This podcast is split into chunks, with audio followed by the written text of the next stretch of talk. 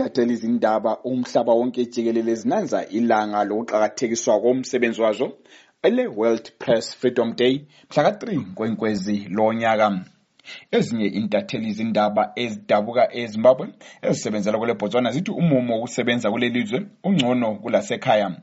U-andres sibanda oyintatheli kwelinye iphephandaba edolobheni legaborone uthi umumo wentatheli izindaba uke wangabi muhle ngesikhathi sombuso wayengumongameli u-ian khama yena ochiye isikhundla nyakenye. Ngesikhathi umongameli ukhama esesesikhundleni ubengadondi ukuxotsha intatheli izindaba uma ubengabe cabangela ukuthi azibhali kuhle ngaye but hayi ngomongameli omutsha sikakuboni lokho kusenzakala. Umnumzana david ncube yena okumsebenzi wokubona ngokukhitshwa kwembiko kanye lokudlelana kwenkampani ayisebenzelayo uthi ubona ukusebenza njengentatheli ebotswana kungcono kule khaya lapho kulemithetho efana le-aipa kanye lephosa yona enqabela ukusebenza kuhle kwentatheli izindaba intatheli emazweni amaningi e-afrika ziyakhala. Lebotswana uthola ukuthi kuleminye imithetho abangahambelani layo abafisa ukuthi ngabe iyesulwa. Kodwa ngaphezu kwakho konke ngizathi ebotswana kuyasebenzeka kungalamgoqo efana labo-aipa kanye lephosa enye njalo intatheli uvumani madlela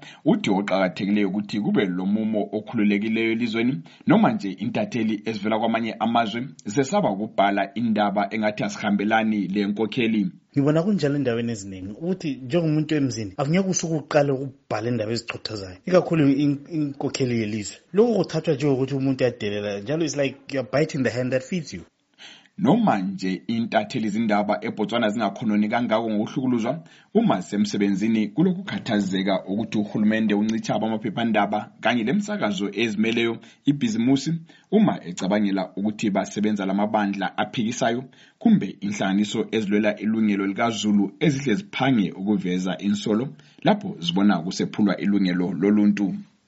Ngingumartin ngwenya oyindaba zestudio 7 ngisabron kwele botswana.